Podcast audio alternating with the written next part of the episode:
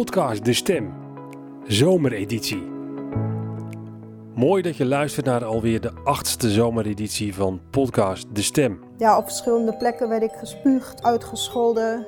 Ik- Wat ik dacht toen is dat eh, eh, eh, als ik lieg, dan verlies ik mijn eeuwige toekomst. Deze zomerperiode even geen langere interviews, maar korte, prikkelende columns met verhalen van vervolgde christenen.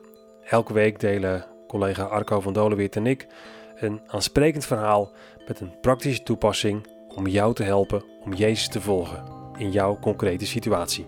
En eh, zelfs toen ik werd geslagen, had ik echt zo'n vreugde van binnen van... Dit is het, ze mogen me alles afnemen, maar dit kunnen ze me niet meer afnemen. Ik zie niet vaak huilende mensen. Zeker geen snikkende mannen.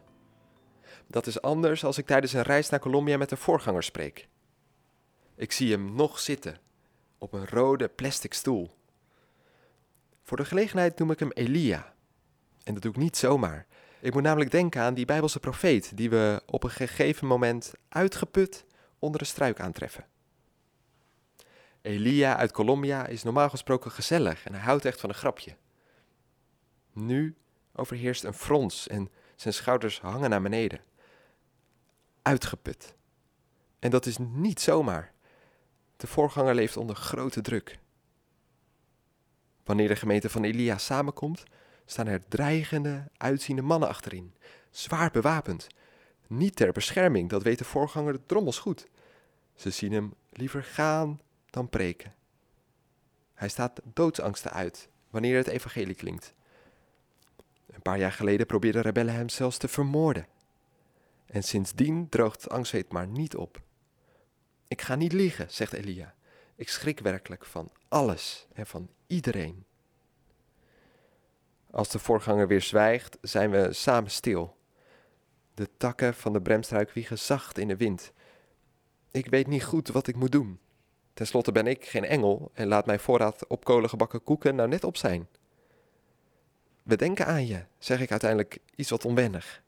Eh, We bidden ook voor je, Elia. Duizenden doen dat. Echt. Elia, je bent niet alleen. Dit is de druppel en de tranen beginnen te stromen.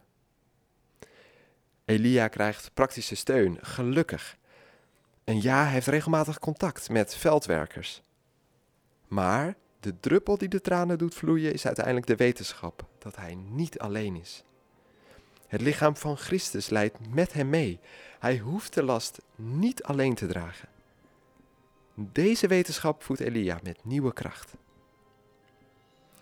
Misschien zijn er dichterbij, in jouw omgeving bijvoorbeeld, ook wel struiken bezet. Misschien ken jij ook wel iemand die uitgeput is, die er flink doorheen zit. Een onvolmaakte bemoediging kan de weg naar huis net iets draaglijker maken.